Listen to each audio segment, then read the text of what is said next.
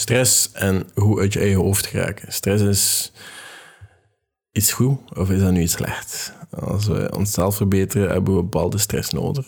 Zo zetten we onze spieren onder stress om ze te versterken. We moeten onszelf zowel fysiek als mentaal pushen om beter te worden. En een van onze fysieke reacties afkomstig uit stress is de vrijlating van het hormoon cortisol. En dat heeft verschillende functies, zoals glucose vrijgeven aan het brein, energie halen uit opgeslagen reserves. En cortisol is goed in het focussen op directe bedreigingen in plaats van minder dringende bedreigingen. En dat zorgt er trouwens ook voor dat je bloeddruk verhoogt, zodat het bloed beter door je lichaam loopt. Maar al dat, is dat nu iets goed of is dat nu slecht? En stress, hoe hou je daarmee om? Komt tot later? Dit is Arno Zaman. Ik zit achter mijn bureautje in Gent in mijn appartement op een zondag een paar podcasts op te nemen voor volgende week. En ik neem deze podcast op met het doel om een jongere verdwaalde zelf minder verdwaald te maken. En deze podcast gaat een beetje over stress. En hoe dat we daarmee moeten omgaan. Nu, al die dingen dat ik net zei, kunnen ook heel negatief zijn als cortisol bijvoorbeeld ietsjes te veel voorkomt. Een te hoge bloeddruk op een consistente basis is bijvoorbeeld heel slecht voor het hart. Nu met sporten, zoals ik in het begin van de podcast zei, ga je lichaam ook in een stressposities plaatsen. Zo zorg je ervoor dat cortisol vrijkomt op regelmatige basis. Maar net zoals sporten de conditie van je spieren en hart verbetert, is het ook goed om je lichaam te trainen zodat het goed reageert op de vrijlating van cortisol het lichaam en de hormoonhaltes gebalanceerd kan houden, bij wijze van spreken. Nu, ik ben geen wetenschapper en ik ben ook niet meneer eh, Huberman, die dat duizend keer ingewikkelder en beter kan uitleggen dan ik. Maar ik ga wel zeggen dat cortisol bij grote, grote inspanningen ervoor kan zorgen dat je uitgeput bent en minder presteert en je ook niet in overdrijf moet gaan. Let wel op, je moet je lichaam en mind aan een bepaalde stressgehalte blootgeven om te groeien. Dus laat dat niet een excuus zijn om je niet in te spannen en toch niet soms in een vorkje te plegen. Van, hé, ik mag niet in overdrijf gaan. Er is wel een bepaalde stress nodig om te groeien. Maar wat is stress? Als we gaan nadenken over wat dat stress nu eigenlijk is, laten we het niet minimaliseren. Want uh, wat mensen doorbraken, doormaken. Ik ga straks de definitie van stress later in de podcast wel veel meer uitbreiden, maar we gaan niet minimaliseren wat mensen doorbraken.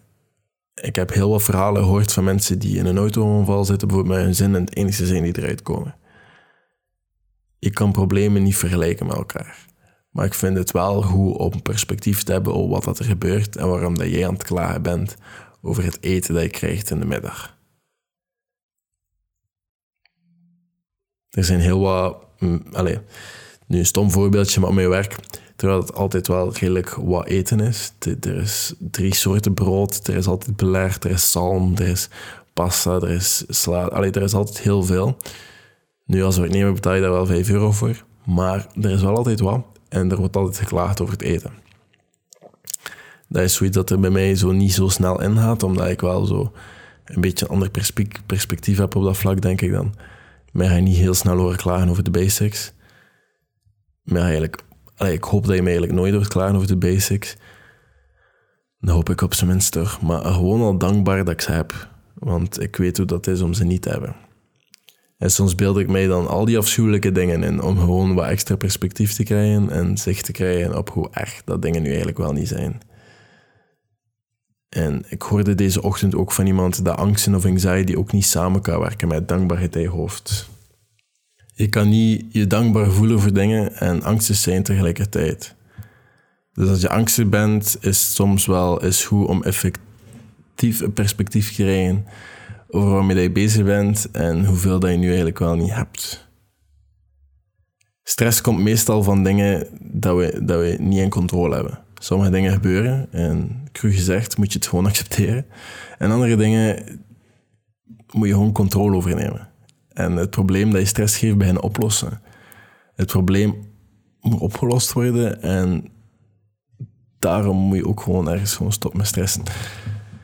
Maar die angsten en die dankbaarheid, als je dankbaar bent voor heel wat zaken in je leven, dan kan je niet op dat moment angstig zijn. En omgekeerd ook. Dus dat is wel ik vond wel iets moois. Ik vond deze nice om over na te denken.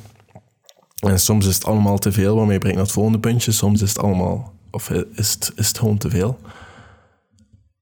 En soms kan het echt gewoon allemaal even te veel zijn. Zo werkt het nu eenmaal soms.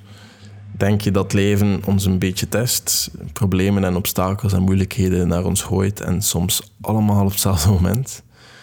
Zo werkt het leven, Murphy's Law. Als je één iets slecht gaat, gaat alles slecht. Als je voor één rood licht staat, ga je ze allemaal onderweg tegenkomen en tien keer stilstaan. En dat is de wet van Murphy. Maar dat betekent niet dat je moet stoppen met vechten. Integendeel. Het is gemakkelijk om te stoppen als je al die problemen voor je ziet en niet weet waar je moet beginnen. Maar eigenlijk zou je gewoon een beetje harder moeten terugvechten. Morgen is niet gedaan. Maar achteraf ga je die weerstand wel nog nice vinden. Kijk, whatever dat die problemen zijn, schrijf ze dus noods op en beslis welke dat je gaat aanvallen. Eén probleem per keer, maar kies welke eerst. En dan ben je gewoon met dat probleem op te lossen. En ik weet dat dat niet makkelijk is. Ik kan mij inleven in iedere situatie. En jou zeggen wat hard is en wat niet, tuurlijk kan ik dat niet. Ik kan mij ook niet inleven in iedere situatie. En dat is ook mijn taak niet. Ik kan alleen maar aannemen dat het niet makkelijk is en, en dat is leven, denk ik. Maar ik denk wel, als je één probleem per keer aanpakt, de andere problemen ook automatisch wel een beetje gaan oplossen zijn. En dat je dan naar je volgende probleem kan. Maar dat we gewoon vaak een beetje bevriezen en dat we dan stilstaan en niet echt weten waar we naartoe moeten. En dat doen we denken aan Pierre, Pierre van Leuven. Pierre die zegt graag, het leven is hard. maar kijk, dat is, dat is leven. Pierre die kijkt naar natuurdocumentaires en dan zegt hij, ja, het leven is hard. Als je ziet hoe dat die elkaar opeten en toestanden.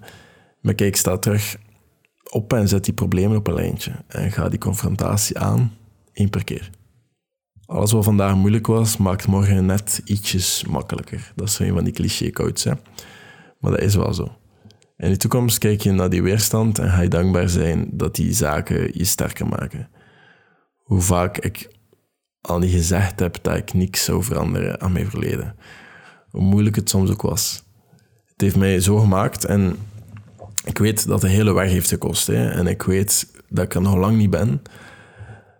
Maar ben alleszins blij dat ik hier ben geraakt. En ik vergeet ook niet van waar dat komt.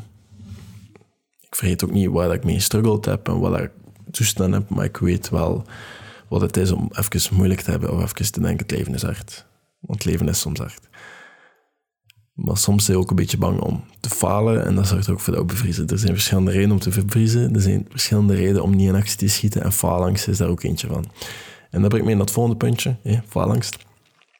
Faalangst kan ervoor zorgen dat je nooit, nooit start.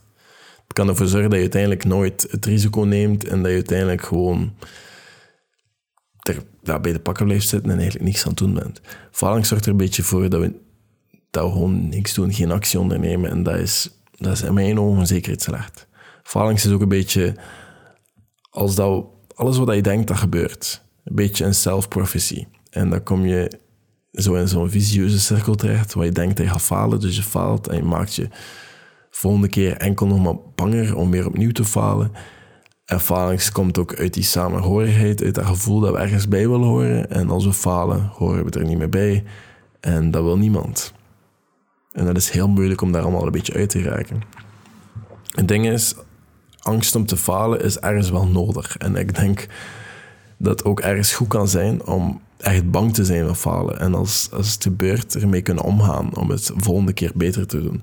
Maar geen angst hebben van falen lijkt mij ook redelijk stilstaand. Angst van falen zorgt er bij mij voor dat ik, dat ik er niet mee bezig ben. Of juist wel. Als ik bang ben van falen, ga ik ermee bezig zijn dan ga ik plannen, dan ga ik dingen herhalen, dan ga ik dat tien keer overlopen in mijn hoofd wat eigenlijk slecht kan misgaan. Dat is iets wat de stoïcisten heel graag gaan horen. Premeditatio molarum, molarum, wat is het? Ja, phalanx zorgt er dus gewoon voor dat we soms hard werken. En dat is in mijn hoofd iets goed, behalve als het paralyserend werkt. Dan is er iets mis. Dan moet iets veranderen, want het mag het doen en actie ondernemen niet onderbreken. Maar phalanx zou ervoor zorgen dat je meer gaat nadenken. En dat doorzetten wat je wilt doen, niet dat misgaat. Maar dingen gaan misgaan. Hè. Ik wil dat je dat, dat weet. En ergens wil ik ook dat je daarover nadenkt. Over wat zou kunnen misgaan, wat je kan dromen en grootste dingen willen, maar shit happens. Hè. En dat is het moment om te zien wat je gaat doen. En toch te geraken wat je wilt geraken. Dus uiteindelijk is het heel naïef, moest je enkel rekening houden met wat je, wat je plan A is. En denken dat nooit gaat mislopen. Je hoeft enkel plan A uit te voeren. Maar nadenken over wat mis kan gaan en daarbij stilstaan kan later problemen minder als een schok laten lijken.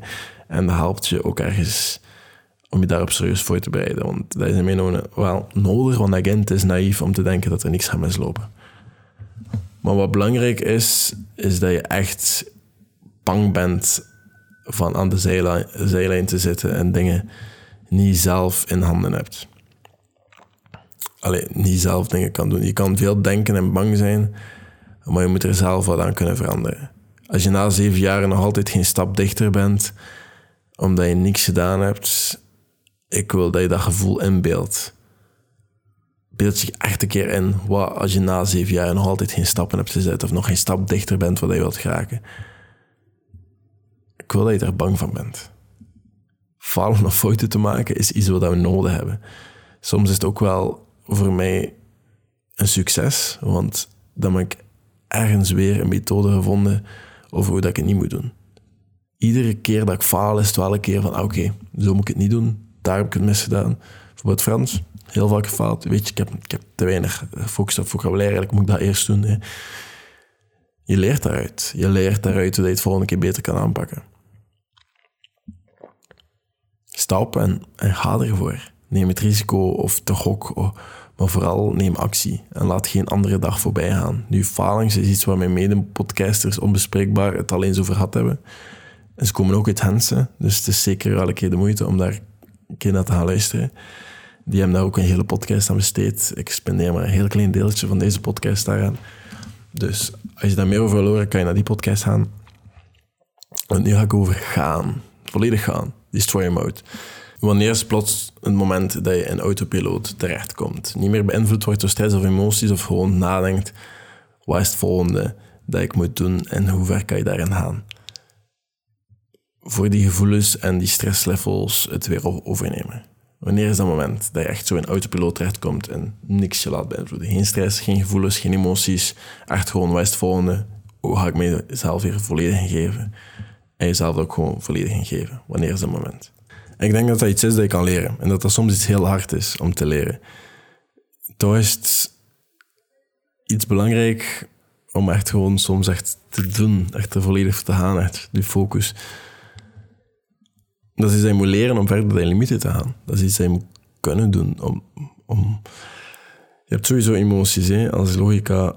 Allee, je hebt zowel emoties als logica nodig om verder te gaan. Als emoties te overnemen, dan, je, dan heb je iemand zoals ik die het allemaal wel wat kan gaan rationaliseren. Maar als het allemaal wat rationeel wordt, dan, dan gaan we toch liever rekenen op emoties, op woede, op angst of whatever. Elke emotie dat we dan op dat moment hebben, die kunnen we dan even rationeel overnemen, waardoor we toch wel vooruit gaan. Maar we hebben zowel het emotionele als het rationele nodig. Soms te kwaad of whatever, dat je het moet rationaliseren van waarom ben je eigenlijk kwaad. Of wat is eigenlijk dat, dat je toch een beetje je kan verder gaan, maar soms kan je het rationeel zodanig goed uitleggen dat je eigenlijk niet vooruit gaat of het niet, niet moet doen, dat je eigenlijk je emoties moet laten overnemen. En ik zodanig kwaad zijn of whatever, dat je, dat je toch in gang ziet. Nu, de podcast gaan altijd over stress. En stress is niet altijd goed. Er zijn heel klachten, fysieke klachten. Mensen, stress is niet altijd gezond. Dat kan echt wel, echt, je kan er echt wel ziek van worden trouwens. Nu, gebrek aan een goede gedachtegang of te veel stress door een te drukke agenda of slechte relaties of omgevingen of problemen. Of ik had nu net een gesprek dat eigenlijk niet zo nice was om te hebben met iemand. Want ik eigenlijk zie dat die... Allez, soms lopen samenwerkingen niet altijd vlot en mensen kunnen, zijn niet altijd even goed en verantwoordelijkheid opnemen en dan moet je een gesprek hebben en dat loopt, allez, het is niet altijd positief. Nu, daarvan krijg ik ook stress. Ik heb daar heel wat stress van gekregen. Maar al die dingen of problemen, dat kunnen ook wel voor heel wat klachten zorgen. Kan, dat kan je moe maken, dat kan je gespannen maken, dat kan ervoor zorgen dat je misschien een te kort lontje hebt op dat moment en iets te snel emotioneel reageert, sneller boos of sneller huilen. Het kan zijn dat je daardoor dingen gaat vergeten, omdat dat heel veel hoofdruimte opgebruikt.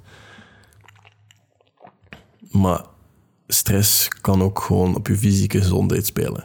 Zorgen voor hoofdpijn, maagklachten, nekklachten, rugklachten, hartkloppingen. De stress is echt niet iets gezond. Maar bepaalde stress. Stress op spieren, stress op je mind soms is wel nodig. Daarom heb ik dat als eerste in de podcast gezegd, in de hoop dat dat je wel bijblijft. Maar er zijn heel veel oorzaken voor stress. En om deze podcast af te sluiten wil ik ook wel wat concrete stappen uitleggen. Zodanig dat je na het luisteren van deze podcast toch iets hebt om mee aan de slag te gaan. Maar even een intermezzo, als ik even over de mogelijkheid om mee te werken aan de podcast. Er zijn vragen of cases of dingen dat je wilt bespreken in deze podcast of zaken die je vanuit mijn oogopslag of visie wilt zien. Stuur dan zeker een mail. Verder kan je mij ook gewoon op Instagram sturen via @ardizaman.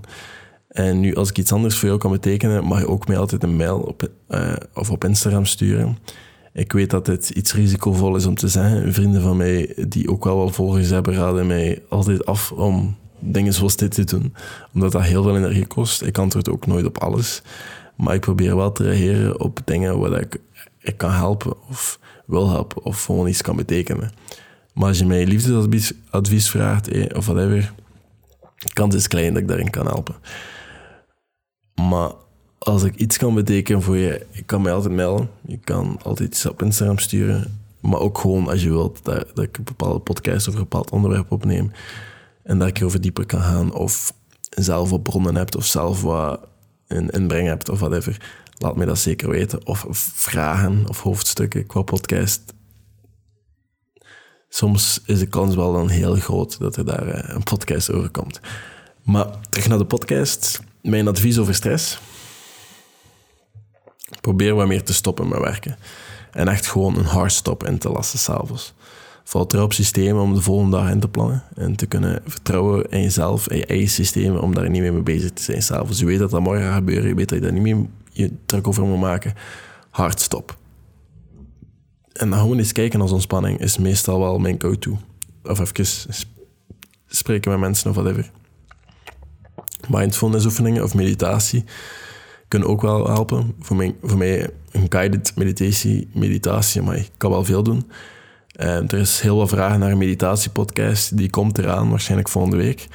Uh, maar meditatie is ook wel zo... Alles aan mindfulness.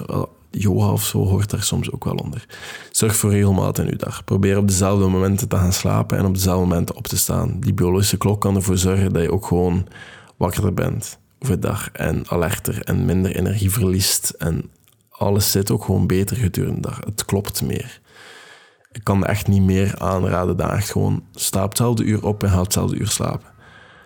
En let af en toe op je adem. Als je merkt dat je wat sneller aan het ademen bent, op kortere adem, of je hebt een hartklopping of whatever, is je adem ook waarschijnlijk onregelmatig. En af en toe letten op je adem op drukke momenten maakt dat je ook wat gegronder bent als persoon en even rustiger en kalmer wordt.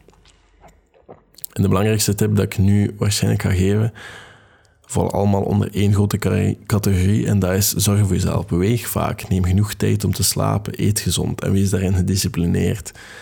Kunnen nee zeggen als collega's frietjes of zo willen delen met je. Geen alcohol drinken of drugs gebruiken. Echt gewoon zorgen voor jezelf.